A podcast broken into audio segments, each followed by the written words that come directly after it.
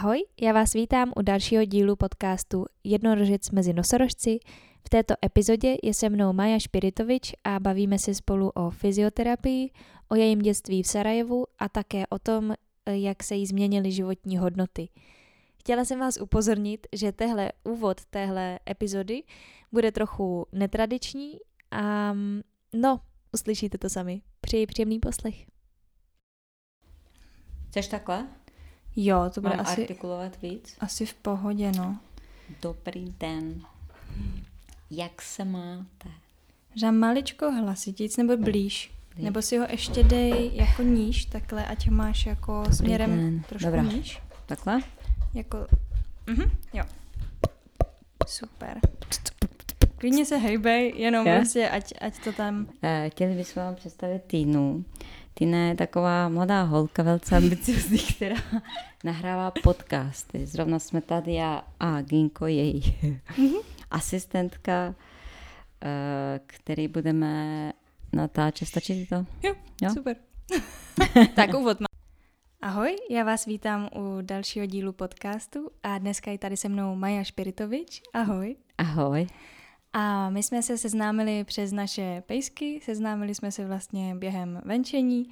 A Mája má československýho vlčáka a my máme švýcarskýho bílého ovčáka, ale dneska jsem chtěla uh, se Máji zeptat, protože je fyzioterapeutka, tak s ní probrat třeba to, jak se člověk vůbec k takové práci dostane, nebo jak se k tomu dostala ty. Aha. Uh, tak, uh, no to já jsem třeba v Sarajevě, já jsem pocházím, původem se ze Sarajeva. A v Sarajevu po válce jsem studovala přírodovědu biologii a chtěla jsem vlastně studovat delfíny, což byl jakoby můj takový cíl z dětství, eh, být blíž jako k delfínům. A bohužel to váleční po období eh, nás eh, prostě donutilo emigrovat eh, ze Sarajeva, protože jsme z míchaného manželství. Nevím, jestli to bylo nějaký jakoby důvod, ale prostě tam ta perspektiva potom nebyla dobrá. Segra tady eh, studovala psychologii a já jsem přišla potom za ní, jako obč- trošičku jsem cestovala po světě, pak jsem přišla sem a tady jsem se vlastně pár let eh, češtinu jakoby eh, dávala dohromady, aby jsem mohla studovat na češtiny, protože jsem neměla peníze. Pracovala jsem v Ludkařském divadle, Mhm. eh, takhle jsem si vydělávala, mohla jsem prezenčně studovat, dostávala jsem se třikrát na, na přijímačky jako če. Eh, po třetí jsem byla přijata a začala jsem studovat fyzioterapii a kvůli tomu, aby jsem mohla jednoho dne se stát delfinoterapeutem aspoň. Protože už přírodověda byla už daleko, a já jsem si říkala, co by mi mohlo k tým delfinům přiblížit, tak jsem si říkala jako delfinoterapie a tím pádem jsem se stala, jako začala studovat fyzioterapii. Mhm. Co tě tak fascinovalo na těch delfínech? Hele, já jsem s dědou, a když jsem byla malá, tak děda vyprávěl o delfinů, v delfínech, protože děda je v Chorvatsku, my jsme žili v Chorvatsku, léto jsme strávili v Chorvatsku. A když nás děda hlídal, tak aspoň mě vyprávěl o delfíne. A asi, asi kvůli tomu nějak, já nevím, Mhm. asi kvůli tomu. Prostě tě fascinovalo to zvíře. Aha, Mhm. zakázané, nebo jako příroda, prostě já nevím, jako Mhm. fascinující, Mhm. asi tak. A chceš se teda postupně dostat tady k té fyzioterapii s delfínama, nebo teď už se to trochu změnilo? Uh, já jsem skončila fyzioterapii bakaláře Mhm. na fakultě tělovýchovy a sportu. Pak jsem studovala speciální pedagogiku, jsem navázala magistra a magisterský jsem dělala právě na téma delfinoterapie a dostala jsem se, stala, jako stala jsem se delfinoterapeutem v Antálii, v Beleku. Mhm. Prvně v Antálii, jsem pracovala pro jednu firmu, tam jsem strávila léto. Vlastně dovolenou jsem utrácela tam čas a pak jsem další dvou, dva roky pracovala pak v Beleku za jinou firmu. No a pak jsem zjistila tím pádem, že jsem jakoby tady pracovala na, eh, jako fyzioterapeut v reumatologickém ústavu a postupně jsem se pod magistře dostávala k doktorantském studium, protože eh, tam je podporoval pan profesor eh, Pavelka, což je ředitel toho ústavu. A mm, on mě podporoval ve vzdělávání a já jsem začala studovat postgraduální studium a jak jsem se dostala k výzkumu, tak jsem nějak um, to zvěděla, že tam ta kvalita těch studií, které ukazují, že delfinoterapie pomáhá, není až tak metodologicky kvalitný. A tím, že jsem prostě jako zkušenosti už měla s nějakýma delfínima a viděla jsem, že je zatím taky jako v ty rodiny utratejí hodně peněz, je to alternativní metoda, která, která vlastně ty matky, ty děti, které jsou, vlastně mají organické poškozený mozku, třeba autisty nebo Downovy syndromy a tak dále. Někdy jsou odmítali západnou medicínu, která jim třeba mohla pomoct aspoň něčem, třeba mm-hmm. logopeda, kdyby vybrali, nebo něco takového. A oni jsou úplně odmítali a přiklánil se jenom ty alternativní metody, třeba delfinoterapii a pro mě už to jakoby ztrácelo smysl. To by měla být na, jako podpůrná metoda, neměla by být volená jakoby první metoda mm-hmm. jako mhm. toho uh, léčení. Takže tam potom jsem viděla, že kolem toho je obrovský biznis taky, že ta samotná metoda trvá strašně málo času, 10 dnů, třeba jakoby na půl hodiny nebo 15 minut ty děti piplavají a a všechno to kolem, prostě ta rodina samozřejmě je v létě, u moře, samozřejmě má to vliv na tu rodinu, ale jako samotná metoda možná psychiku nějak podpoří, že ta rodina je víc uvolněnější, to podpoří, ale to, to, to nesmí se to brát jakoby prvotní jako volba, mm-hmm. aby se léčilo. Takže už jsem tím jsem odstupovala od toho a začala jsem se věnovat jakoby větším výzkumem a tady uh, reumatickým onemocněním. Uh-huh. A teďka konkrétně pracuješ kde? No, pak jsem eh, dělala, skončila jsem nebo dělala jsem výzkum, nebo uh-huh. výzkumný projekt, který byl podpořen státem, uh, uh, ministerstvem zdravotnictví, grantem, taky uh, Karlovou univerzitou. Uh, můj PhD projekt je byl jakoby dobrý projekt, na který navázaly další projekty, do dneška se čerpá z těch publikačně. Uh, Eh, byl dobrý, světový ohlas měl, evropský jak světový, mm, eh, a týkal se dvou vzácných reumatických onemocnění, systémové sklerodermie a myopatie, idiopatické zanetví myopatii. Právě, že teď bude kongres, v pondělí začíná kongres světový na tým myozitidem. Mm-hmm. No a tu jsem pak skončila, jako když jsem skončila svůj PhD studium, Eh, tak jsem nějak jako, už jsem asi jako dala všechno tím, vytvořila jsem pacientské skupiny, nebo pomohla jsem k výtvoru jako pacientské skupiny. Uh, ukázala jsem, jak, jak se může cvičit, že je to podpůrný, že je potřeba cvičit a už myslím si, že tam tu moja, že jsem trošku i vyhořela uh, a tu moje cesta nějakým způsobem končila a myslela jsem si, že už nemám co dát, a budu dávat jako když tak uh, občas a začala jsem se věnovat sportu víc a sobě uh, a teď pracuji po pana profesora Koláře. Uh-huh. A tam děláte uh, vlastně mo- mobilizační nějaké cvičení? Ne, tam ne? dělám fyzioterapeuta, uh-huh. ale uh, tím, že jsem se prostě uh, vzdělala hodně, nebo uh, zajímá mě taková ta chiropraxe nebo osteopatie, tyto metody mobilizační a manipulační techniky, eh, laicky řečeno křupání jakoby páteře a kloubu, eh, tak jsem se tím cílem život nějak to byl můj cíl, nebo tím se chtěla věnovat a ta cesta jako konečně se stala jako tím, nebo sen se mi jako ta práce, aby se byla úplně kompletní a úplně se vším všude si je měl ráda, tak prostě to byl nějaká moje cesta a vyučila jsem se v zahraničí a začala jsem to tady v Čechách vyučovat. Teď to vyučuju pod Talent, to je nějaká moja ochranná značka. E, nicméně, jelikož pracuji pod panem profesorem Kolářem, tak tam e, pronajímám prostory a pan profesor e, Michel Stříc a, a e, střešíme jakoby nějakým svým jménem e, tuto moje, tyto moje kurzy. Mm-hmm. Takže Uh, takže, takže tak. No. Ty máš teda i svoje pacienty a děláš tady ty kurzy? No, uh, vyučuju studenty, uh-huh, pacienty uh-huh. jako dělám, jako fyzioterapeut dělám uh-huh. prostě pod pana profesorem Koláře. Uh-huh, Privátně uh-huh. nemám privátnou praxi. Uh-huh. A ty kurzy, co já dělám, to jsou kurzy ne pro pacienty, ale pro studenty, pro fyzioterapeuty, uh-huh. lékaře.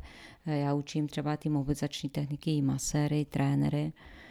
A, a to je jedna z metodik, které fyzioterapeuty tady používají. I když není úplně jakoby přiznána, eh, v České republice to manipulační techniky můžou vyučovat jenom lékaři, ne, eh, vyučovat ne, ale v, provádět, jak mají kód pojištěnou hráněný, ale většina z nás, jako některé, některé ty manipulační techniky taky jakoby můžou se vzít jako mobilizační a ono je to docela komplikované. To je mm-hmm. jako zákonem někdy z ČSSR. E, nějaký zákon tenkrát říkal, kdo je oprávněn to vyučovat a kdo je oprávněn e, to provádět. Oficiálně můžu provádět jenom lékaři, nicméně jako když půjdeš na tajskou mas- masáž, tak tam to taky rozkrupají a mm-hmm přitom eh, nejsou ani lékaři, ani nikdo. Takže eh, a čím dál víc, jako ty studenty se teď třeba učí z sociální síti, které mají jakoby strašně lehký přístup a zatím nevidějí, jako oni se naučí ty techniky, provádějí ve své privátní praxi, buď to maséry, nebo uh, trenéry, nebo v, uh, řekněme fyzioterapeuty, provedu to a nevidějí jakoby to riziko jaký můžou být přínosy a rizika tady toho provedeny. Takže nevidím. A pak je další věci, jako spousta zahraničních um, lektorů, který tady mm, učí tyto techniky, aniž by jako třeba vědecký nějaký podklad k tomu jako dál. Tak jsem si říkala, proč by tady nemohl někdo vyučovat, e, někdo, kdo už je takových fyzioterapeutického myšlení, kdo má jako za sebou i tu praxi, i tu školu, Eh, zná, co je česká škola jako fyzioterapeutická a, a vedl ji jako třeba k správnému provedení mm-hmm. a i s mhm. tou vědou. Mm-hmm. Jaký jsou uh, možný teda ty rizika? Jakože může se člověk nějak trvalejc poškodit k tím uh, křupáním jako špatným? Hodně, já si myslím, že ne, protože už věda jako už to dokazuje nějakým, ono je strašně těžký hodnotit to, protože tam ty zase jako metodologická kvalita těch studií je strašně Eh, nemoc dobrá. Je nespočet eh, review nebo rešerší dělány a v různých tady těch od single case study do nějakých prostě probandech, které jakoby ve větší skupinách, kde se ukazuje a většinou jako se soudí v Americe chiropraktické technik, techniky, které byly dělány na krš, krční páteři, kde se stávalo to, že nebo uh, disku, nejvíc diskutovaný je prostě ta disekce arterie vertebralis, která prohází uh, krční páteře a mm, tam následná centrální mozková příhoda. Ale je to, uh, nevím teď přesně číslo, je to strašně malý počet, nevím, na milion obyvatel a tak dále. To jsou takové jakoby fakt malé čísla. Přitom většinou to už jako ten člověk s tím už asi pravděpodobně přišel a, a ta hyropraxe už jenom jakoby dotáhla do konce ten stav. Uh, takže je to velice diskutovaný, mm-hmm. není úplně potvrzený ani tak, ani mm-hmm, tak, mm-hmm. ale toto je jeden z největších témat, které se soudí, jakoby třeba, kde jsou souzení jakoby chiropraktici, které, který bohužel jakoby provedl někomu tady tu manipulativní, techniku a ten skončil prostě na centrální mozkový, i když jsou malé příklady. Jo. Mm-hmm. Pak jsou další věci, třeba jako výřezu plotének. Ale eh, to jsou další témata, které jsou jakoby trošičku rizikovější, ale to prostě jako když vidíš člověk, že má prostě spondylolystézu nebo nějak, že symptomatologii, která jako už přivádí k nebezpečí jako jakýchkoliv provedení, tak samozřejmě nejdeš do toho. A to myslím si, že už dneska jako každý fyzioterapeut, který je vyučený, aspoň zná, Dokonce si myslím, že tomu jakoby ani maser nebude přistupovat tak nějak bez aniž by jakoby věděl, mm. co by mohl způsobit. Mm-hmm. Já se vrátím k tomu křupání, mm-hmm. protože uh, jako znám spousta jako názorů, že i člověk, když se jako křupe mm-hmm. sám, že je to jako špatně, říká mm-hmm. jedna strana a druhá strana říká, že je to úplně jedno. Mm-hmm. Tak uh, mě zajímá, co řekneš ty. Ty to neřeknu, ale ta věda, věda dokázala už, že to, de, eh, že to nespůsobuje degenerativní jako onemocnění kloubu. A dokonce pan, který to, to zkoumal, který udělal na sobě single case study, myslím, že se jmenoval pan Unger, byl alergolog, si myslím, nevím přesně, ale myslím si, že byl. tak on on němu, když byl malý, tak mu babička většinou říkala, jako nekřupej si, nebo matka mu říkala a všichni v rodině nekřupej si prostě klouby na ruce. On si furt křupal jako v ruce. A on se nějak, eh, on si nějak dal za cíl, že si vystuduje asi medicínu a, a prostě jakoby bude to zkoumat. A zkoumal si asi, já myslím, 20 let. Jednu ruku křupal, druhou vůbec ne. Mm-hmm. A myslím si, že 20 let a dokonce počítal, nevím teď přesně jaký číslo, že si prokřupal jednu ruku a kolikrát. A v nějaký té studii jako je tam či, počet, kolik si to prokřupal. No a zrengenoval to a tam vůbec žádné jako nějaké změny degenerativní nebyly. A poté se dělaly další studie na více probandech, kde se uh, zjistilo, že to opravdu jako to není, jako nedělá to nic. To je fenomen kavitáce. Mm. Tam se vytvoří plynová bublina, která práskne eh, která se vytvoří. Dříve si myslel, že ona práskne, že ta nějaká plynová bublina práskne, ne, ale vytvoří se přetlak a ten přetlak udělá, že se vytvoří ta plynová bublina, jak se vytvoří, tak to udělá ten fenomen lupnuty. Mm-hmm. A to je jev, který se nazývá kavitáce. Je to mm-hmm. plynová bublina.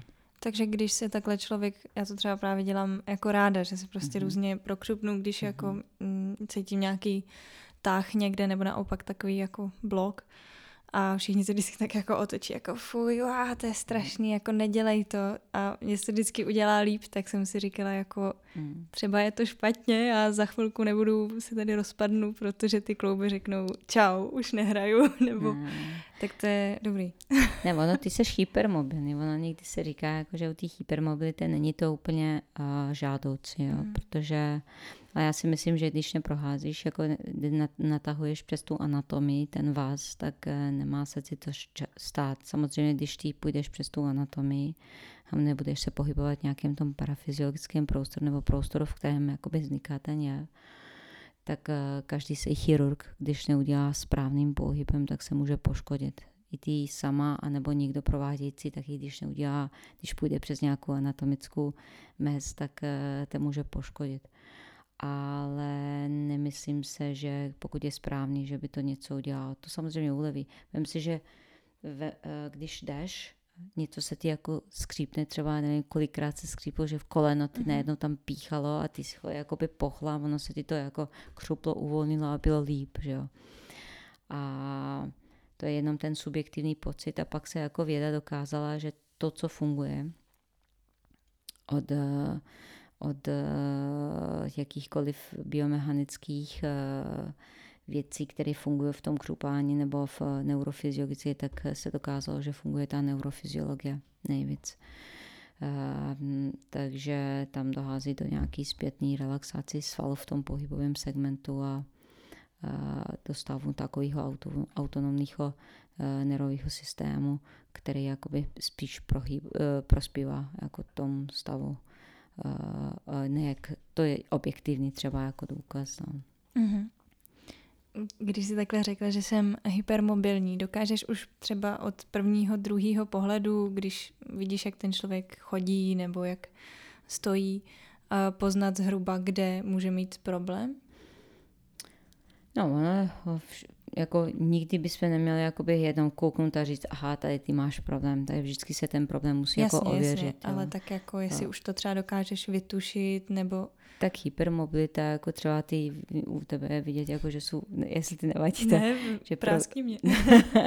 že, že jsou um, um, rekurvace kolen se tomu říká, mm-hmm. nebo obrácený uh, jakoby vlastně přesně zpátky. tak, ano, že, že si prohlík kolena jako mm-hmm. dozadu, nemoc, ale třeba to jsem se všimla, mm-hmm. přitom jako ne, neviděla jsem to nějak jako v dynamice, ale prostě jak se stála, ten si říká, hm, tak tady bude po, jako asi trošičku hypermobilní a té hypermobility. Samozřejmě, když eh, existuje potom hypermobilita, třeba jednou v některých klubech je hypermobilná, v některých ne a generalizovaná a prostě jako jiná. Třeba tam třeba reumatologové hodnoty podle sebe hypermobilitu, pak je hypermobilita po, po, podle jako fyzioterapeuta, že jo, jak jsme se učili ve školách takže různě, ale tam jako většinou si koukáš na lokty, na kolena, na malíček, jak daleko jde. A mhm. pokud je ta generalizovaná, tak se většinou flexibilní, prostě ji došáhneš na zem s nataženým kolenami. Mm-hmm. To jsou takové ty základní, prostě, které ty řeknu, uh-huh, tady by mohla být nějaká eh, laxicita těch vazů což jsou statický stabilizátory a ten člověk by ne, naopak měl krupat, ale spíš stabilizovat ty, a posilovat ty dynamický stabilizátor, co jsou svaly. Mm-hmm. Myslíš si, že teda fyziologicky uh, je pro každého možný, jako se třeba nám říkali i ve škole, mm. do konce roku budeš, dosáhneš rukama na zem, jako v předklonu, že jo? Mm-hmm. Dosáhneš rukama na zem. Tak jako jestli myslíš, že je to vlastně pro každý tělo možný a jako vlastně i zdravý. Jako se takhle třeba tahat až uh, někam. No, tak jako, uh, to je taková otázka na kterou není úplně jako ne, nedá se dát každý z nás, jako já neráda jako dělám něco dle kuhářky, protože všichni my jsme individuální. A samozřejmě máme jiný základy geneticky. Jo. Takže samozřejmě nikdo prostě jako se může protáhnout za prvně úplně až k zemi, nemusí ani k tomu cvičit, nemá předpoklady. Znám spoustu jogínek, které cvičejí jogu jen protože jsou hypermobilní a to se stalo jejím životním cílem, aniž by věděli třeba filozofii jogy jako všeobecně, nebo základ třeba dýchání a tak dále. A znám naopak jako lidi, kteří uh, jsou velice stuhlí a kterým prospívá uh, třeba to proti, protažení ne, samozřejmě nemůžeš jako stuhlého člověka, třeba Bechtěrevika, úplně jako tlačit k nějakým extrémním situacím, ale proč ne? Proč by se neprotahovat? To může jenom jakoby prospívat. Důležité je jenom cílit na správný protahování. Mm-hmm. Neprotahovat se jenom ve, třeba ty, ty budeš protažená třeba v, nebo budeš mít anatomické postavené kyčly až příliš dobrý a tu se ti budeš ochýbat přímo jako v té kyčli úplně až na zem. A třeba bedra ty budou úplně stuhlá, nebo naopak ty budou hamstringy stuhlý, jo, nebo mm-hmm. kolena, to teď jakoby práskám tady, jakoby úplně plávaly, ale důležité je nějak uh, zlatý střed, ne v jednom klubu všechno protáhnout, ale najít si prostě jakoby cvičit nějak zdravotně. Mm-hmm. A jaký třeba myslíš, eh, že sporty nebo cvičení jsou vlastně prospěšný? Já vím, že to takhle hrozně házím vždycky do jednoho pytle, mm. ale tak prospěšný? Mm-hmm, jako nějaký... Tak já si myslím, že přirození je plavání, třeba lezení. Mm-hmm. Uh, já běh eh, třeba, pokud je někdo, já neráda teďkom takový tý moderní, já najednou se budu otužovat, nebo najednou v 40 se rozchodne najednou plavat Přitom ty klouby nejsou celý život do 40 plavali a uh, neplavat, uh, běhat. Neběhal, neběhal člověk do 40 a najednou teď frustro, nějakou začne se uh, otužovat, běhat a všechno možné, co si myslím, že je moc. Jo.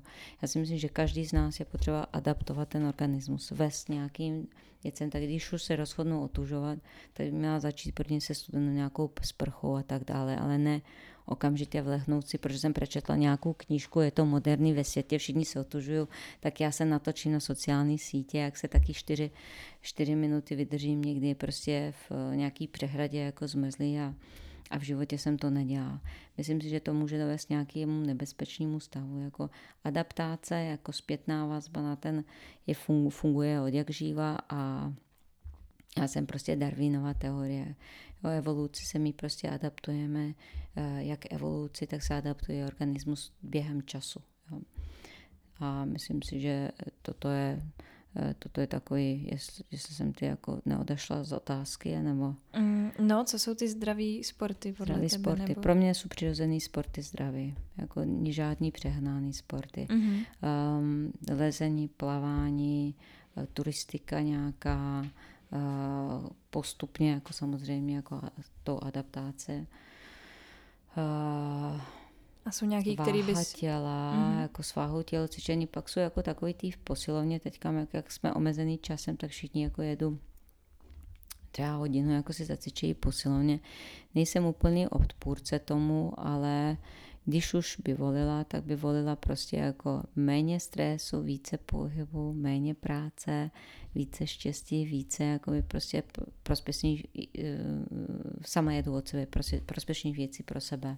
Mm-hmm. Že já jsem jako by přišla taky do 45. roku a taky jsem si říkala, no já celý život prostě jako nic nedělám pro sebe, všechno pro jiný a ten čas letí a pak se jednou jakoby po 40 se vnímáš, hm, tak začínají bolet klouby, teďkom začnu běhat, což není úplně žádoucí, že jo, jako protože během té styční pohy klubu narážejí na sebe a já jsem v životě nějak extra moc neběhala, že nějaký klus jako volit, aby udržela ten kardio nebo nějakou turistiku, jako všechno to má svoje, to všechno jako jede od toho začátku, od toho, jak je ten člověk daný. To si já myslím. Jako mhm. všechno je zdravý, pokud je v míře a pokud se jede pomalu, krok po krok, step by step.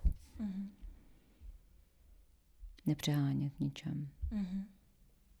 Dokážeš se, když, když ti někdy začne něco bolet, jako srovnat nebo prokřupnout ty sama? Jo, jo. už jako jsem dokonce uh, slíbila studentům, že začnu točit automanipulační techniky, které zatím jako nikdo nemá natočený a budu pouštět uh, na svůj web, ale to je přesně ono, najdi čas. Mm-hmm. Jakoby máš spoustu projektů rozpracovaných jinde, máš práci, máš psa a, a nestíháš věčně. Ale schystám se k tomu jako do konce roka. Já začínám dělat na fakultě, přednášet, takže možná budu pokračovat i na docenturu, zabývat se tím, co učím, což bude super a budu a ty projekty, které furt jako rozpracovávám, takže spíš budu se stahovat a budu koncentrovat na jednu věc, což bude právě potom mě ta docentura nebo to učení jako tý mobilizace a manipulační technik. V tom jsem se našla a v tom budu. Toto bude můj prostě jako celý život asi dokonce. Hmm. Tak krásně, jak máš jako záměr úplně jako poměrně konkrétně jako jedním oborem, skrz hmm. celý ten jeden obor. Jo. Těž, těžce se došlo k tomu. Hmm. Jako strašně moc jsem se hledala. Hmm. Až teď jsem viděla, že opravdu to mě baví, že bych chtěla fakt opravdu pracovat v tom, nebo zkoumat to, předávat to, bavíme víc, jako předávat už ty zkušenosti, protože myslím si, že 15 let fyzioterapie, pokud dřeš na 100%, je, a Česká republika je zvyklá eh, na fyzioterapii taková, která je hodně manuální, že česká, český zdravotní systém je zvyklý na ten pasivní, jo? že když jsi pacientem, tak se zvyklý lehneš si a pomoz mi, buď to lékem, nebo tý, není zvyklý člověk pomoct si sám. Mm-hmm. Což je na západu trošičku uh, jakoby, uh, už uh, více k tomu jako naklání. Tady taky, ale je to ještě taková, jakoby ty seš ten, který máš, ty seš lékař, musíš mi pomoct. Mm-hmm. Buď to lékem, nebo fyzioterapie, nebo, uh, nebo Takže se hodně pracuje ještě manuálně. A já si myslím, že já už jsem prostě jako dala, protože jsem strašně na 100% pracovala, strašně jsem žila pro ostatní a dala jsem všechno, co, co jsem mohla ze sebe. Dělala jsem s těžkýma diagnózama. A pak jsem si říkala, už jsem vychořela a myslím si, že tu jsem stopla. Myslím si, že umím toho dost a můžu předávat dám, docela mám dobrý recenze u studentů, že umím jakoby předat pedagogicky. Takže myslím si, že to bude moje cesta mm. a že zůstanu v tom. Jako samozřejmě člověk nechce vypadnout nikdy z praxe, protože svoji práci mám ráda, ale nechci mít už tolik, nechci být přepracována už. Mm. Protože já si myslím, že tato, že tato, eh, tato profese v České republice má jít dřív do penze. Mm-hmm. Protože jinak eh, nejseš dobrý terapeut už. Jelikož Nikdy je to prostě před, jako předřídící pás. Strašně moc pacientů, uh, protože systém je takový, že jim dovoluje přes pojišťovnu se jako a přitom hodí s prkotinama třeba někdy a brání do opravdu akutníma pacientyma dostat se někde. Jo, a teď jsem ti říkala úplný mix, jako je, jedu z, jedný, z jedného cíle, to, to, mně to padá. Jako to vůbec úplně. nevadí. Ale zdravotnické systémy jsou pře, eh, přebukurovány. Mm-hmm. Třeba eh, lidem, kteří opravdu nemají žádný problém, ale jsou frustrovány ze života. A myslím si, že těch lidí je asi prostě jakoby polovina, možná i víc pacientů psychosomatický, mm-hmm. že prostě te, te pochopili tady ten svět, práce a tak, frustrace, rodinný problémy, nevím, jiný problémy a oni nevidí, jak kotví se to v záde, bolesti záde nebo jiných věcech. A ten zdravotnický systém pak ztrácí jak možnost pomoct do opravdu člověku, který do opravdu je, potřebuje tu pomoc. A tady je kotva, ta negativní prostě, která je v tom českém zdravotnickém systému, která je nutná se měnit, protože to nemá výsledek ani dobrotu nevede ani fyzioterapeutům, kteří jsou, ani lékařům, kteří jsou přepracovány, ani uh, lidem k pacientům, kteří prostě trpí doopravdu. Mm-hmm. A tluče se to. Takže myslím, že tam, tam já už vyhořuju, už prostě začínám být pak eh, po nějakým desátým pacientům už negativná, protože vidím, že tam výsledek žádný není. Já nepomáhám, nedělám to, co jako na co jsem tady, ne, léčím spíš psychiku, než eh, což taky jsem psychosomatikem, řekněme, já nemůžu být psychosomatikem, ale vyučila jsem se i v tady tom. Ale pracuji jako fyzioterapeut. Jo. A taky další věc, jako že trenér, fyzioterapeut a masér, to se všechno plete. Jo. Dneska je fyzioterapeut, nebo lidi očekávají od fyzioterapeuta všechny tady ty tři profese, od masera to samý, nebo ten maser jim dává to, anebo od trenéra to samý. Takže ve všech těch třích profesích všechny ty tři profese. Hmm. Jo, to, to je prostě jako strašně Někdy máš, eh, aby ty skonkretizovala, abys tomu pochopila, někdy máš pacienta, který ty přijde, už ty se hned slíká a lehá, ty nás toho očekává masáž. Mm-hmm. Na druhou stranu máš trenéra, který ty taky dělá měkké techniky někdy, jo, mm-hmm. předtím, než zacvičí. A na třetí stranu máš masera třeba, který ty občas radí, jak máš třeba jako se pohybovat. Jo, a to jsou prostě jakoby všechny ty profese, které se pletu a ten člověk je ztracený v tom, nebo to není ani chyba, uh, to je chyba systému, to není chyba ani pacientů, ani nás, ale chyba systému. Mm-hmm. Není skonkretizované, neví se, jako co přesně kdo dělá. Mm-hmm. A nevím, jak se to napravit, nevím, jak, jak, jak to působit. Třeba se časem to změní, nevím. Ale ty máš vlastně pořád Kdyby si chtěla, tak asi pořád ta možnost tomhle teda oboru je se nějak dál vzdělávat. Tam je skoro je, tam nekonečno. Je celo, celo, mm-hmm. celoživotní vzdělání.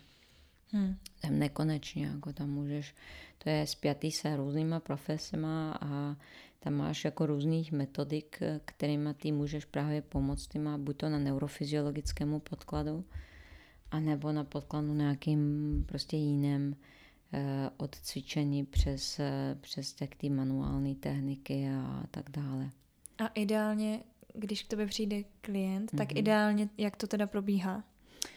Když spolupracuje, když je No aktivně, když mm-hmm. je aktivní, eh, když je pacient pasivní a očekává, že ty mu vemeš, já vždycky učím studenty tak, že máš kůži, podkoži, fascie, svaly, klouby a máš nějaký špatný pohybový stereotyp funkčně, kvůli kterému se pacient obrátil na tebe.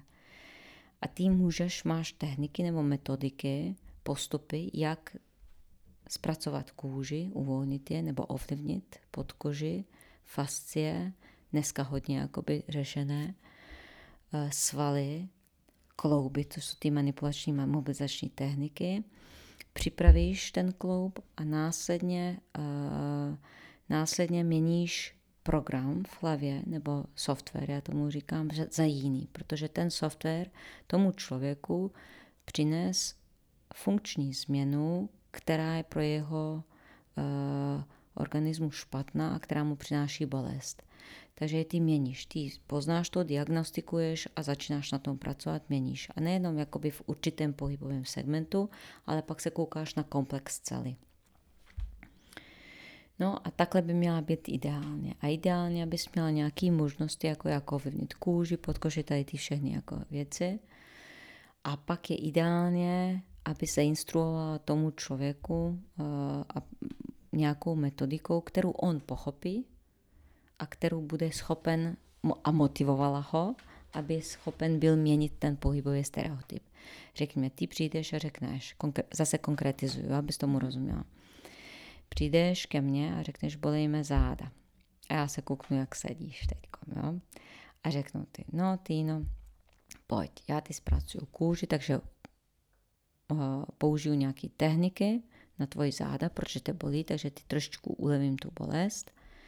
A pak ty řeknu, toto se ti spraví, pokud ty budeš na sobě pracovat. A ukážu ti nějakou ergonomii správného sezení, ergonomii zád nebo uh, sezení při tvý práci a tak dále, nebo ergonomii dynamickou, třeba v záhradě, jak budeš trhat kytky a tak dále, tak ty ukážu správně, jak bys měla, zainstruujete a ty bys to měla cvičit, anebo ideálně integrovat do pohybových eh, denní činností. Což je na čem je stavená právě uh, od pana profesora Koláře DNS technika, dynamická neuromuskulární uh, stabilizace, která nejenom, že stabilizuje trup a aktivuje bránici, ale právě te učí přesně jako se podle kineziologie a vývoje chýbat zase jako znovu správně na podkladě neurofyziologickém. Ono je to komplikované, ono je to celá věda. Jo, tomu ne, v jakoby... pohodě, já se do toho snažím proniknout no. a snažím se to všechno pochytat a No, ale jako jedeš konkrétně, když jsi přišla, tak by jsem ty trošku ulevila od tvý bolesti a pak by říkala, hele, na tobě, jak se budeš chovat k sobě, já ti dám tady recept, ty ho využij. Pokud využiješ špatný recept, nebudeš se řídit podle tady toho, co jsem dala, tak samozřejmě tvůj dort vždycky bude špatný, že jo. Takže se snaž jako řídit podle toho, jak te vedu. To neznamená, že já budu dobrý fyzioterapeut. Jo? Třeba ty bude, nebude ty moje techniky vychovovat, pak si budeš vyhledávat jinýho, budeme si spoustu lidí, kteří se třeba ani nesednou za začátku. Jo? To tam jako taky musí být ta správná energie z toho lidí. Já jsem rázná, jo že něk, uh, mám jako lidi, které mě strašně rádo by chodí ke mně, a mám zase lidi, které neráda chodí ke mně, jo. takže já prostě jako jsem direktivní a rázná a prostě jako očekávám, že ten pacient jakoby bude aktivně v tom, protože já pak, já pak vychořu, vychořím, nebo ne, nevidím potom jakoby výsledek. Furt se jakoby motám v mhm. stejném kolečku a nepomáhá on mě, já nemám výsledek a když nemám výsledek, tak selhávám. Mhm. A v tom je, v tom je ta háka. A jak dokážeš třeba ty lidi namotivovat, aby to plnili? Dokážeš to nebo? Balkánským způsobem, mm. direktivně. A, ne, dokážeš. Já vždycky si myslím, že tam, já jsem ti říkala, že více jak půlka pacientů má psychosomatických uh, problémů. Hodně pacientů se mi roz, rozpláče a říkají vždycky, jako, ty bys měla dělat psychologa. Vždycky nej, shledáš najít příčinu, pokud vidíš, že ten člověk už po druhé ty přijde a vidíš, že tam moc necvičil. Člověk, který do opravdu mě, má bolest, tak ty hned posloucháte, co má dělat a příště ty přijde úplně perfektně ty udělá, jo? protože chce se měnit, mm-hmm. protože ho to bolí. Bolest, ho donocuje. Člověk, který má psychosomatiku spíš, tak ty přijde a flák. A já jsem včera byla v zahrádce, víte, já jsem pracovala, nezvládla jsem to, nebo něco jiného, nebo vidíš, jo, já jsem cvičila, vidíš, že vůbec k tomu nic nedává, ty už poznáš za ty léta. Takže vidíš, že je pasivní, takže se snažíš, a jak ptal se na motivaci, snažíš se najít příčinu, kde je příčina uh, jeho problému. Mm. Já většinou zasáhnu do té psychiky, zeptám se, a jak, jak je to v rodině, co řekněte, většinou se zeptám na rodinu anamnézu, na osobní anamnézu. Jo, pátrám jakoby po nějakých, kde je háček nebo vosí hnízdo. A když píchnu do hosího hnízda, oni se rozbrečejí a pak jim zkusím namotivovat a nebo jim říct, proč, proč jste tady, jakoby proč, jakoby potom pojďme, pojďme zkusit řešit jako jin, jiným způsobem. Jo. Tady je spíš potřeba řešit psychika nebo spíš já najít si jakoby obrátit se nějakému psychologovi, a nebo pojďme najít nějaký spoluřešení. Jo. I když nejsem kompetentní, aby jsem já jako hledala to řešení, ale vždycky já rádo jako spolupracuju s týmově, takže dříve jsme to posílali jako nějakým lékařům u nás v reumaťáku a teď to máme obrovský tým eh, pana profesora Koláře, který super komunikuje, takže se takhle posíláme pacienty, když mý fyzio jako fyzioterapeuty zjistíme, že aha, tady není háček v tom, ale je háček třeba v něčem úplně jiným. Mm. Takže eh, ta komunikace funguje skvěle. No.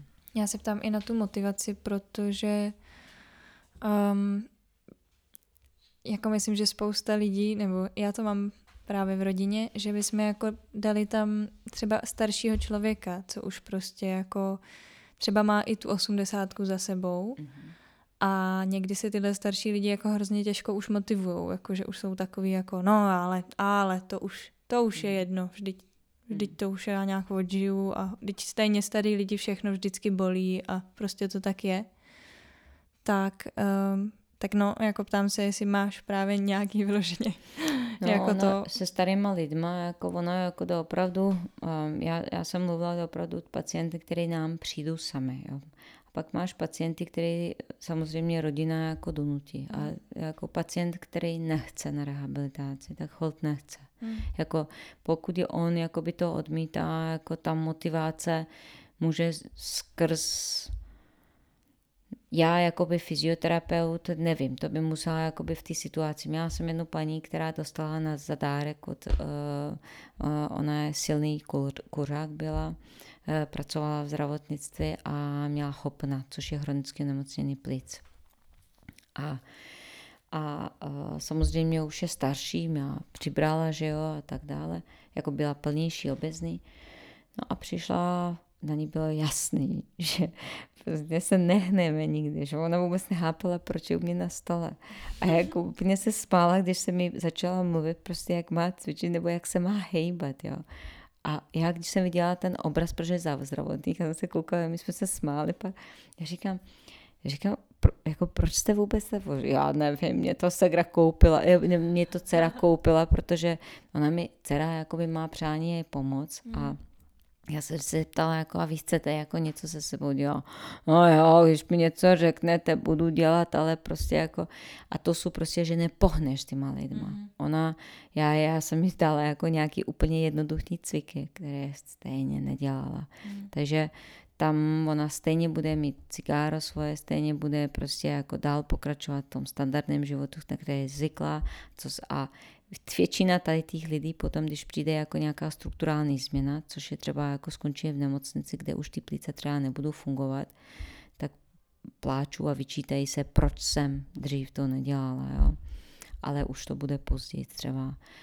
A donutit je, to je pro ty, pro ty staré lidé tak je nejlepší prostě ty vnoučata nebo mm-hmm. jo, zkusit nějak skrz proházky nějaký otázka je, co, co, co bolí, jako to by musela konkrétně vidět, ale je to pak těžká práce, když to pacienta musíš přemluvat. Jo, on musí motivace. Těžká je, to je těžký pojem, jako jak motivovat někoho. Hmm. A pracujete i s dětma? Nebo miminkama? Já ne, ne. Já ne. Já určitě, jako pro, u nás je spoustu lidí, která vojtí a která pracuje jako s miminkami, ale já, já jsem, já do 15 let asi nepracuju, protože sama nejsem matka uh-huh. a jsem ráznější, takže a jak jsem starší, jak jsem hodně dlouho v praxi, takže nevím, kolik by měla ještě nervy. A pracovala jsem u těch delfínů, já si myslím, že u těch miminek je matka hlavní, nebo rodiče jsou hlavní prostě point, kde je potřeba zasáhnout. Uh-huh. A a, a já kolikrát jsem byla, jako viděla, že matka strašně jede špatnou cestou. A pak jsem byla, eh, pak se už ve mně jakoby mhm. tvoří taková ta jako nemoc pozitivná energie. Takže myslím, že nejsem tam mm-hmm. žádná. No. Ty jsi mluvila ještě o tom uh, sezení, tak mě napadlo, že často pracují lidi třeba, že mají sedavou práci, mm-hmm. anebo že dlouho řídí. Tak mm-hmm. uh, jestli máš nějaký tip, uh, co třeba dělat po dlouhé jízdě autem, jakože takový mm-hmm. to klasický nějaký protažení, mm-hmm. tak jestli máš nějaký special nebo... Hele, dlouho nejezdit, mm-hmm. to je mhm. první.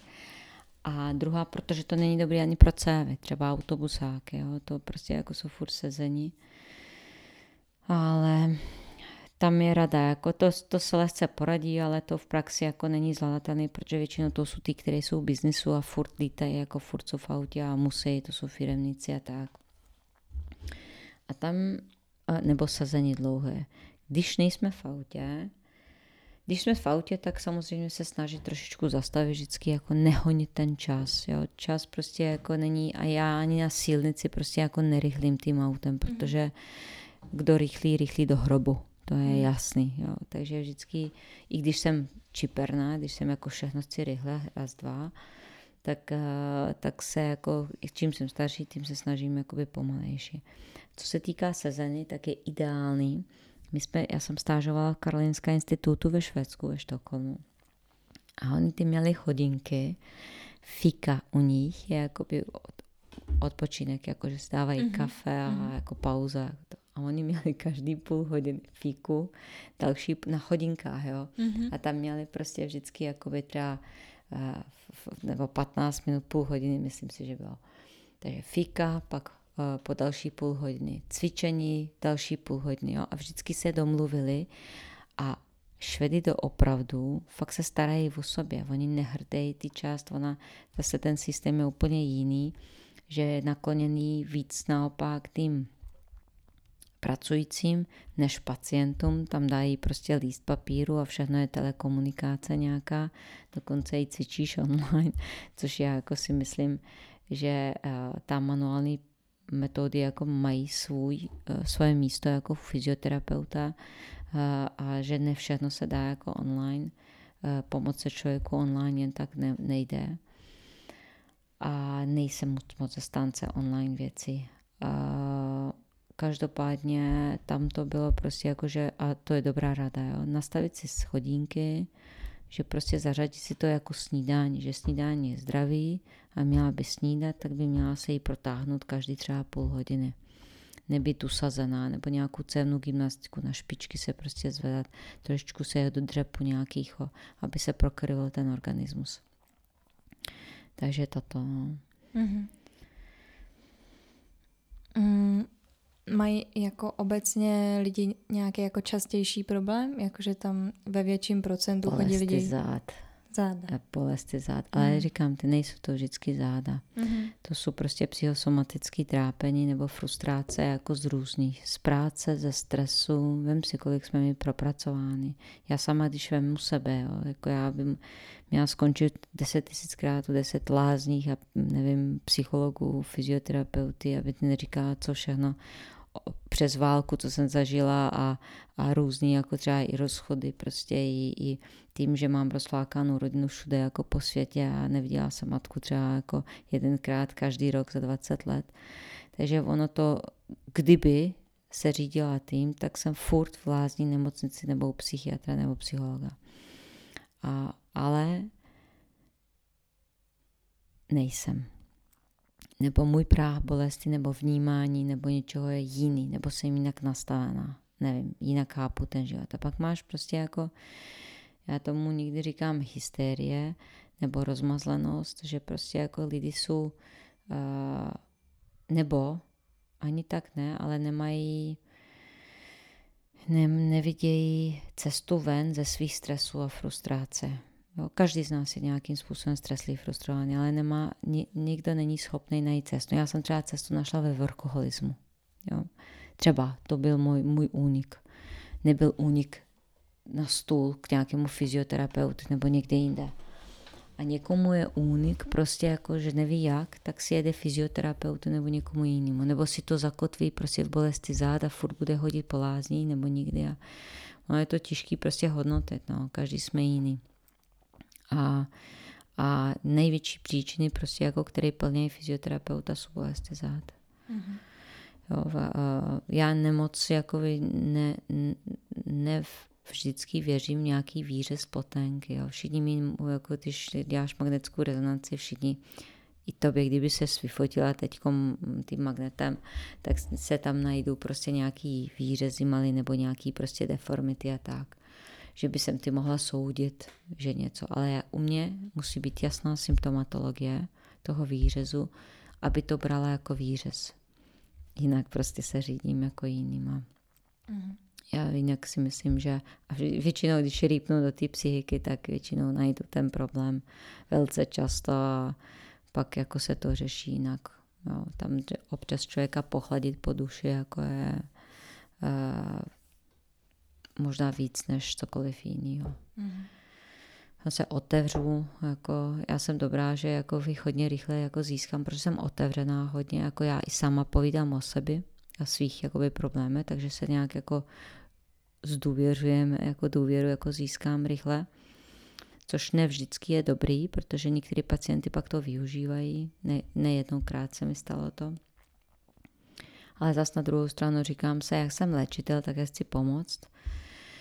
Tak eh, oni se mi otevřou a jak, čím více ti otevírají, tím víc jsou zranitelnější, tím víc jakoby můžeš prostě jakoby už najít tu eh, cestu nebo vidět, kde je ta jejich jako zranitelnost prostě největší a pak zasáhnout třeba, já nejsem kompetentní léčit psychiku, ale my jsme, chtěla, nechtěla v jednu ruku nějaký 50% eh, psychoterapeuty.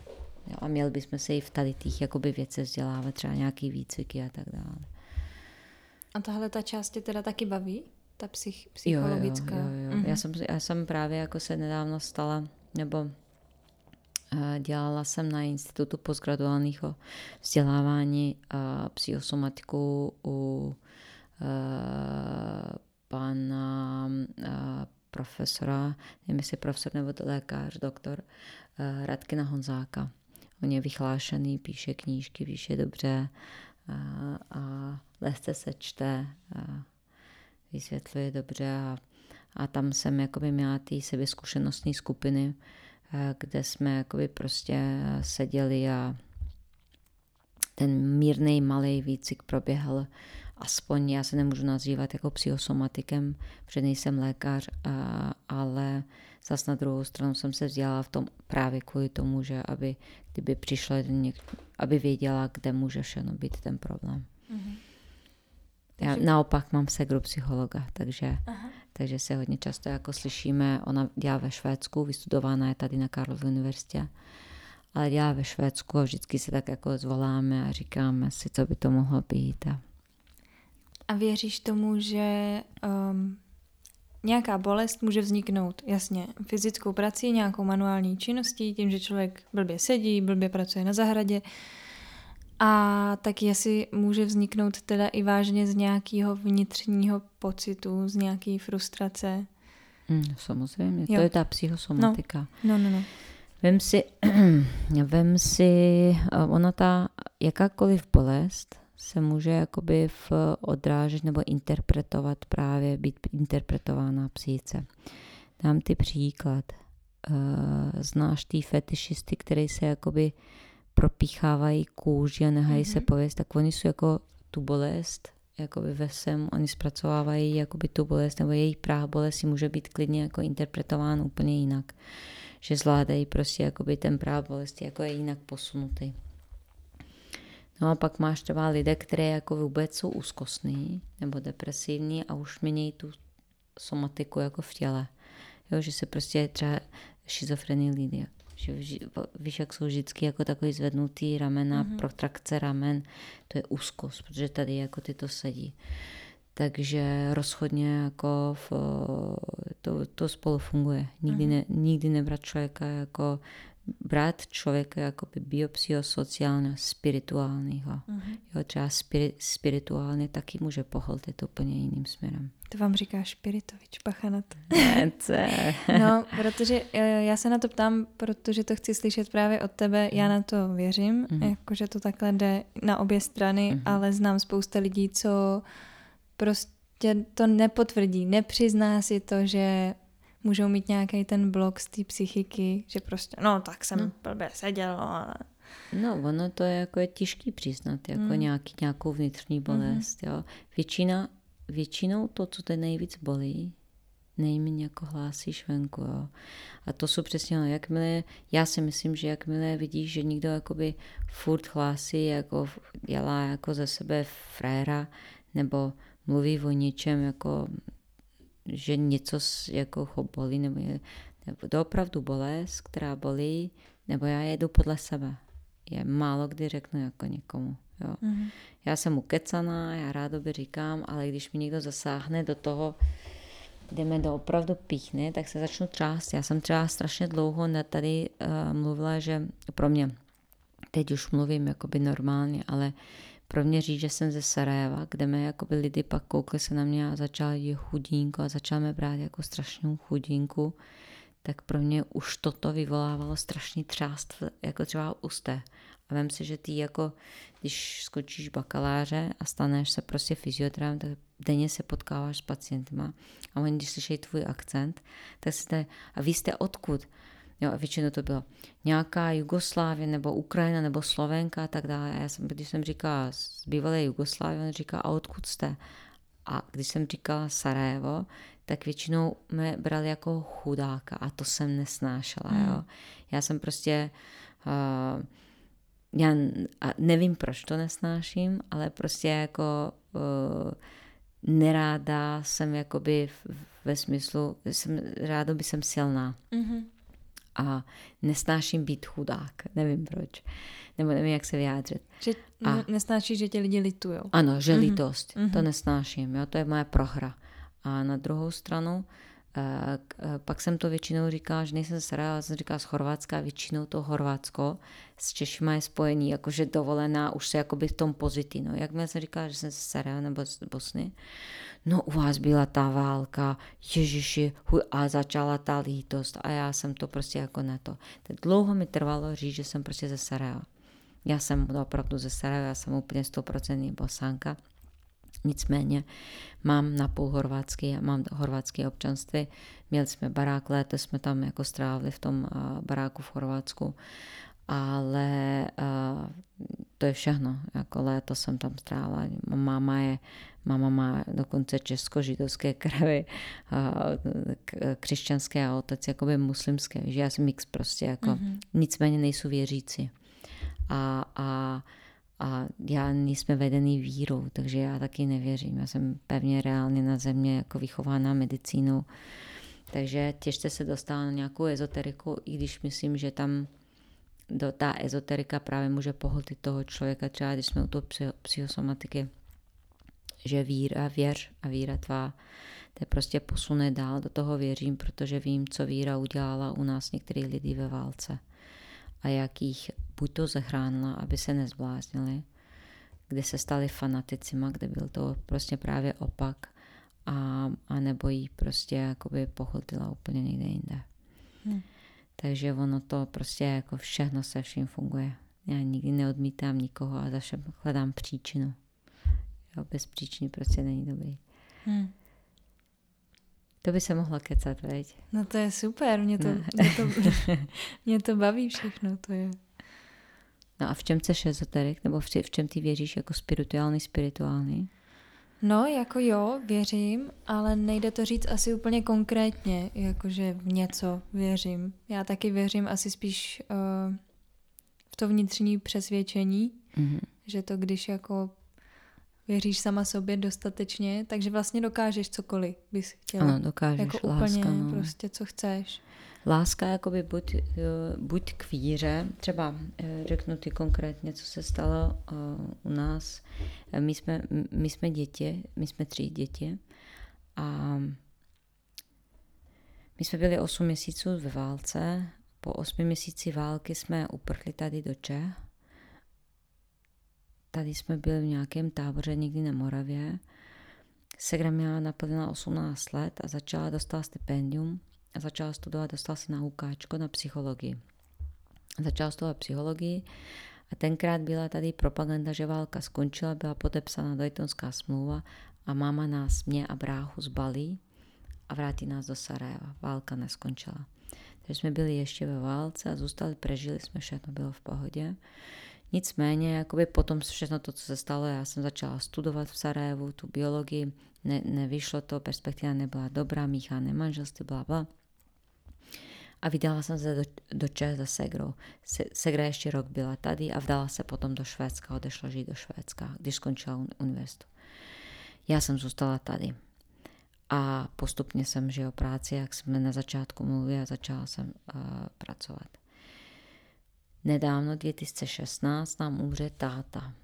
A můj brácha je po naší válce šel do Afganistánu, pak se vrátil z Afganistána, oženil se, dostal dítě, pak šel uh, do k Segre žít, jako nebyl moc spokojený, vrátil se zase do Horvátska, teď u mámy, neúplně ideálně jakoby přijmul všechen ten děj, co se děje.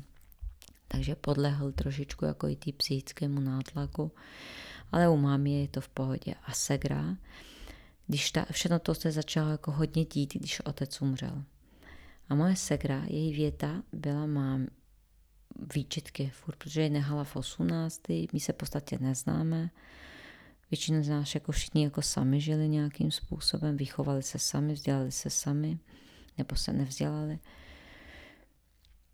A segra věta, kterou moje segra vyslala mi mámy, taková vyčítavá, říkala, proč si nás nevedla nějaký víre? Mm-hmm. Proč jsme nevěřili? Bylo by mi líp teďkom pochopit tátinou smrt a vůbec se nebát ty smrti. A strašně to vyčítala.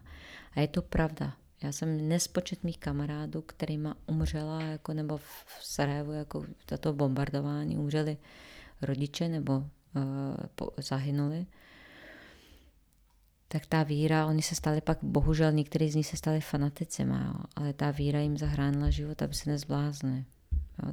Jako kamarádovi právě z té fakulty jednomu prostě zavřeli otce jako do logora, byl v zajeci, jakoby. Takže ona ta válka nese sebou a zase naopak ta víra nese svoje, svoje pozitiva i negativa. A zase jsme u toho plus i minus. Mm-hmm. A statý střed. Takže všechno má svoje, no. A přikláníš se takhle zpětně k nějaký? Mm-hmm. Cože? Jestli se zpětně přikláníš k nějaký víře, jako... Ne. Ne. Já u mě jako to nevyhrám. Mm-hmm. Já napak, jako jsem dostala averzi k víry jakýkoliv. Samozřejmě myslím si, respektuju každou víru, i od islámu přes jakoby eh, křesťanství a tak dále. Myslím si, že každá víra může být i negativní i pozitivní, jak jsem říkala nepřikláním se a dělám mi averzi, protože u nás ta válka, jelikož byla pravděpodobně zmanipulována, nebo nevím, ne, nikdo neví, jako kdo zatím je, můžou být velesily nebo ne, je mi to jedno, ale my jsme se povraždili a v tom jsme zapletli politiku a ještě víru. Takže je to takový uh, nesrozumitelný, já nesnáším. Jako respektuju všechno, ale nenucuj mi nic. Mm-hmm. Jako to nesnáším. Mm-hmm. Eh, a nemám ráda, když se jakoby mezi eh, našima, jakoby bývalé Jugoslávie, začne řešit právě se panákuje a pak se začne řešit válka.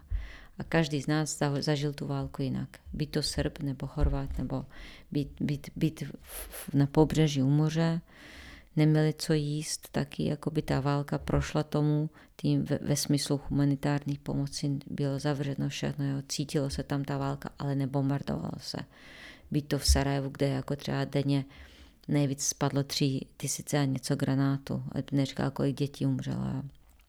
Být to Srb, který zažil prostě bombardování na to. Jo, takže každý z nás zažíváme jinak a každého z nás bolí na svůj způsob a nemá se to řešit, zvlášť ne nás tří nebo čtyřináct je teď neberu jako další, další ty. Takže to není naše věc, my jsme neví národ, který bohužel strádal a nemáme co řešit to. Teď se máme prostě smířit a žít zase jako v pohodě. A já jsem Titova, já jsem pro, pro, pro bývalou Jugoslávii. Mm. Nebo máma nás takhle vedají. Moje máma je taky, za Jugoslávii jsme se mi měli dobře. Já jako dítě, jako komunismus, nebo byl to komunismus, spíš socialismus, protože my jsme se za komunismu naopak měli dobře.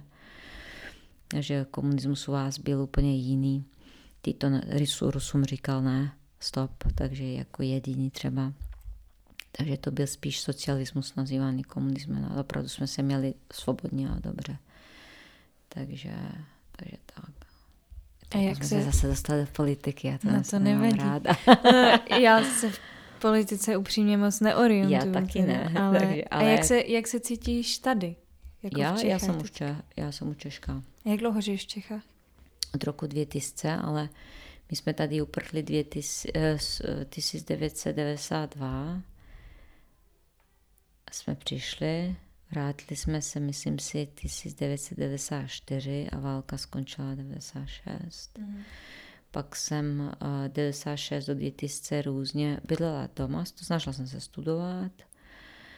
Pak jsem moc cestovala, tak jsem různě tančila pantomímu, jakoby po, po různě jakoby po Evropě. Pak jsem se vrátila zase doma, žila jsem chvilku v Chorvatsku v tom baráku. A pak jsem děti přišla zase segrou a od té doby jsem tady. Takže 22 let. Hmm.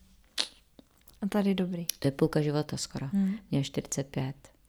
A já jsem Češka. Já už se doma asi nevrátím. Nebo můj domov je tady. Hmm. Kdo mi dal chleba? Vzdělání. Kdo mi dal prostě chleba, aby jsem pomohl. Nebo vzdělání. Mi Češka mi republika dala vzdělání. A vychoval mě pan profesor Pavelka, řekněme jeden ze, který mi prostě jakoby umožnil se vzdělat natolik, že jsem byla schopná pak pomoct rodičům nebo eh, stát si na svoje nohy a budovat, mít psa, mm-hmm. řekněme. Mm-hmm. A být sama svůj člověkem a mm-hmm. jistotu mi dal. Moje je to hrozný, když ztracíš prostě jistotu v té rodině, protože rodina je rozsláká, rodiče v chudobě a ty taky v chudobě, takže nemůžeš očekávat, že ty rodina pošle nějaký peníze a musíš se snažit. Takže jediné, co ti zůstala, je ulice a snaha a vůle.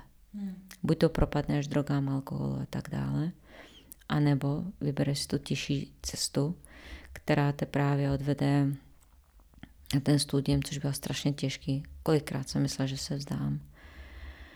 A dneska jsem díky bohu tady, kde jsem, nepropadla jsem ničemu, bojím se toho velice a, a, vychovala mě, Česká republika mě vychovala. Být možná nějaký jiný země, jsem úplně jinde. Většina mých kamarádů v Sarajevu buď to zahynulo, nebo, nebo propadlo. Málo kdo zůstal prostě a vzdělal se tak, jak daleko jsem já dosáhla. Že tam není perspektiva, nebo... Hmm. Ho, někdy jako knížku třeba napsat o tady tam všem. Hmm. To bys mohla úplně krásně. Jo, jo, oni jako někteří říkají, jako nějaký ten životní příběh. Já říkám, jako politiku, politice nerozumím, víru, ne, víre, víře nerozumím, ale vnímám to všechno jako dítě, prostě z 15 let, které začala válka a do, do té doby jako samo prostě se postalo na svoje nohy. A to je prostě jako by pro mě největší síla. To je no. taková ta věta, co se nezabije, to te posílí. Jako mm. to vy Češi dost často používáte. A já myslím, že to je právě jako ono napsat jako knížku prostě, nebo prostě vždycky jako čerpat ze sebe. Jo, jo. Jako, než... Já si myslím, že víra je největší, pokud věříš sobě. Zase ti řeknu něco ve válce, co se stalo. Když padá granát nebo se strašně blízko smrti, tak voláš samozřejmě prvně mámu. Jo. A když ta máma nepřichází a nezahráníte, jako ne, nemá možnost, že jo, protože ona je, ty seš blízko sklepa nějakého, nebo se šla ven a chtěla se kamarádit jako do nějakého sklepa, protože je puberta a, a chtěla si jít do sklepa, který je o pár ulic dál a začalo se bombardovat a padaly granáty tak te zachytili tam a tvá matka zůstala doma. Tak ji voláš, Ježíš, mami, jakoby, když pomoz, jo, první, co te napadne. Mama, když nepřichází, tak začneš takovou tradičnou to Bože pomoz. Jo. I přesto, že nevěříš, jo. Pak ani Bůh nepřichází. A pak ty přijde instinkt. Nebo nevíš, jestli se jakoby zmátoříš z toho strachu, a začneš přemýšlet prostě nějakou logikou nebo instinktem, nebo nevím, jak to nazvat, že se začneš prostě jako utíkat. Nevíš, jestli je to správný. Utíkat tou správnou cestou, nebo my jsme tenkrát se sekrou počítali, když se nám stalo takový ten věc, tak my jsme pak zjistili, že ty granáty padají tři a pak je nějaký, počítali jsme na 10 sekund, že máme 10 sekund, aby jsme proběhli do toho na, našího, kde máma byla že jedeš kam tam, kam tě máma, protože myslíš, že ty máma útočíště, že jo.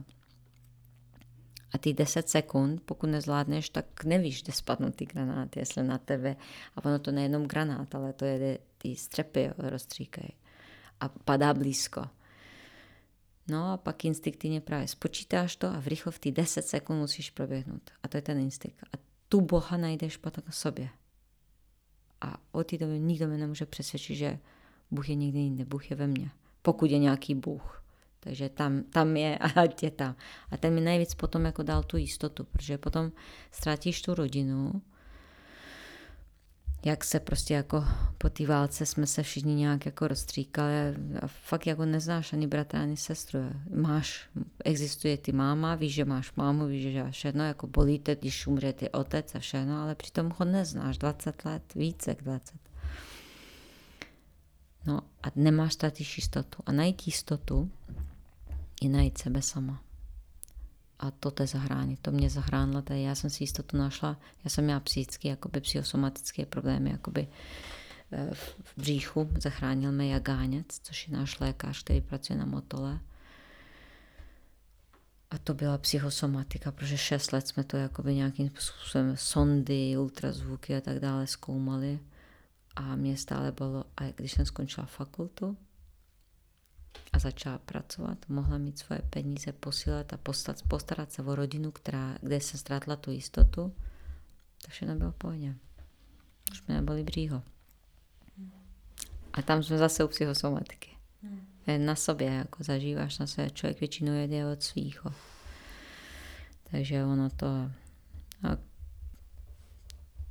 různý. A pak se změní hodnoty, které pro mě je důležitý teď, řekněme, můj pes. Pro někoho jsou důležitý tituly, které má a chce dál a dál. A pro mě tady mi jako 45, takovou normálnou práci a, a psa, aby jsem byla v klidu, aby jsem začala už žít prostě, protože už všechno jsem tam je brácha, je v pohodě, matka v pohodě, segra tam v pohodě, táta bohužel umřel, já koupila psa, taky v pohodě tě a všechno tě v pohodě a můžu normálně žít. Žádný starosti už nemáš, mm-hmm. víš? Mm-hmm. Ta týcha spadne z tebe. Co si představuješ pod tím normálně žít? Jako nemít starosti, ale no, jak týcha, to teda... Ta týcha, protože ta jistota. Mm-hmm. No? Že ty máma není v chudobě, mm-hmm. že zvládne nějak, že přežije nějak, že, že ten brácha nějakým způsobem zvládne, že já budu mít možnost, kdyby se něco stalo, odejít tam pomoc nějak, víš, dávat rodina. Mm-hmm. Jo, jako rodina, která, kterou jsem zase pospátky vrátila tu jistotu. Sice nejsem s nima, ale je tam, víš. Předtím nebyla, protože matka na chudově, ne, ne, nevíš, jak spojit. To já nevím, jak to říct. To, a v tom je ta jistota, to určitě hraje roli jistota. A ta rodina, tě je jistota, byla nějaká jistota, kterou se ztratil. A teď zase si je nějak jako tvoříme, protože zase už ta situace jako s tou válkou se uklidnila, postupně já se vzdělala, není ta, ten stres furt se vzdělávat, nebo mít práce, poslat, mít peníze jako tolik, abys mohla poslat. Takže nějakým způsobem jsem si i to udělala. Se kdy do, dospěli děti, víš, jakože to, to, to jsou různé věci a pro každý to je jiný. Jako třeba já to prožívám takhle a někdo jistotu může prožívat ve svém psu. No vidíš. hmm. Různě, no. Zajímavý. Hmm. Hlubka, veď? Mm-hmm. Sakramenská. Tam, ta válka ti dá hodnoty, že potom si na člověka koukáš jenom s ti někdo, já si třeba jako kolikrát sednu a řeknu si, kolik mi utrácíme těch slov za nic pro nic jo, když mluvíme. Jo, vem si. Celý den jedeš a v podstatě nic, nic se nic pro neřekne. I to je život. A je sakramenské suprové, jo. Mm-hmm. Já dřív jednou hledala hloubku nějakou, která te potom jako jenom furt analyzuješ, to furt vnímáš, jako kdo, co, jak. A teprve teď jsem se naučila jako žít, já, uh, protože Ono se to možná stahovalo tím, že jsem hodně jakoby často ty negativní věci, a víš, že od pacientů furt posloucháš jaký bolí něco. Tak. A já teď, jak se s pejskářima, tak se nic neřeší jiného než pes. A je to super, že fakt neřešíš nic jiného, pustíš ten mozek, staráš se jenom o chovínka psu, jak, jak jsou v pohodě nebo ne, jestli ty jedla, co jí, jak se, jak se hráli a tak. A hmm. to je život. Jakože prostě jakoby pro mě to jako chlubku ano, jako těch lidí pak poznáš, jako třeba já velice často analyzuju lidé, jako pro mě je chlubka v člověka, uh, já ji nalezu v různých větách, v různém pohledu, v různém hování a nonverbální třeba konverzace. Ne vždycky jakoby uchodnou, ale jako většinou. A potom to je jakoby pak, pokud ten člověk jako na stejný jako úrovni jako ty, tak to jede. Teď jsem odešla úplně jako řeším úplně algoritmy. Ne, já mám moc ráda, když jako lidi no tady se mnou prostě jako se takhle otevřou a že prostě to z nich jako jde a já je nechám mluvit a mě to, mě to děsně baví, když no to jako je tohle dokážu pustit. To je vrstva z psychologie. Hmm. Jsi mohla studovat psychologii, no. No, já jsem, máma mě k tomu tak jako pobízela, že bych mohla a já jsem, nevím, nějak jsem se toho lekla, asi jsem se lekla jako toho, ty velké zodpovědnosti. Jako, jako ke škole? No, i ke škole a pak jako k tomu, že máš, že někomu chceš pomáhat se s jo. vlastním životem. Jako. No to, to, to v podstatě ten psycholog jenom jako takhle, že jo, dá ti pár otázek a vedete. Jako cílí prostě jako kam neháš toho člověka mluvit a vedeš ho a ono prostě tou mluvou ten člověk zjišťuje dál, co chce. Já hodně často třeba i teď se všímám, že skáču hodně rychle z témata na téma. Jo, a to jako není dobrý. Mm-hmm. protože jako uh, by nedokončím ani větu a já už jsem tam, protože myšlenkama mm-hmm. jsem jako strašně všude. A to není úplně jakoby uh, to správné, co by měla dělat. No. A právě, že ty jakoby pak jako tou otázkou nasměruješ a to je dobrý. Hmm. Že, tam, že tam měla by studovat na no, psychologii. Třeba se k tomu ještě dostanu. Jo, jsi mladá.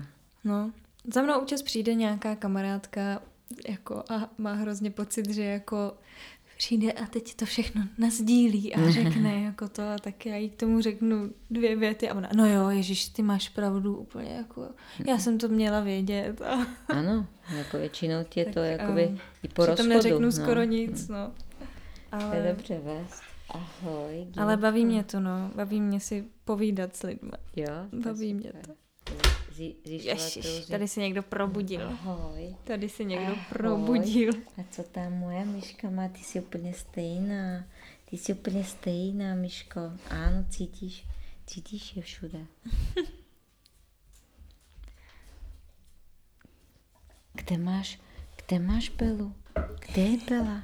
Pojď sem. Kde máme Belu? Bela spinka doma. Ginko. Gínku. Má strašnou radost. Sladká. Mája je totiž jedna z mála náštěv, na který Gínko neštěkala. Protože Takže, mě zná. Jo, jo. Akorát se diví, kde máš to zvířátko, co s tebou hmm. chodí. No, divíš to, bys, to byste to tady teda, divíš se, to byste to zváleli tady. Nemám zvedat ruce, veď? No. Kdyby zvedla ruce, tak by to byl haos. Gínko, ahoj. Ty jsi zlatko. Kde mám Belu? No kde mám Belu? Už vrtí. Míško, kde mám Belu? Kde je? Kde? tak chtěla by si ještě něco na závěr někomu vzkázat? Ne? Mm, asi jak mějte se rádi. Tak jo. Co mějte rádi pejsky. Zkázat jedině, že musím za Belou asi taky, no, ona je tam sama. Tak jo. Takže půjdu taky, budu ráda, že to... Nic zkázat, že, že, že ať dělají podcasty, ať se seznamuju a eh, Chceš ti něco, jako by říkala? ne, já ti moc děkuji za takovýhle úžasný rozhovor. Jo, tak Moc děkuju. Uvidíme, tak si zítra probereme to jako na tom tom. Tak jo. Až budeme s pejskama. Dobrý, tak jo. Děkuju. Ahoj. Tak, čau. Slyšeli jste rozhovor s Májou, já jí moc děkuji za tehle krásný otevřený rozhovor. Na Máju můžete najít kontakt tady v popisku téhle epizody, stejně tak jako tam najdete odkaz na můj Patreon a kontakt na mě. Na Patreonu mě můžete podpořit a já vám tam za to dám nějaký bonusový obsah. A budu moc ráda, když mi dáte třeba jenom vědět, jak se vám epizoda líbila, nebo mi ji nazdílíte, pokud se vám bude líbit takhle moc. Mě to velmi potěší. A jinak se mějte krásně a děkuji za to, že posloucháte. Ahoj.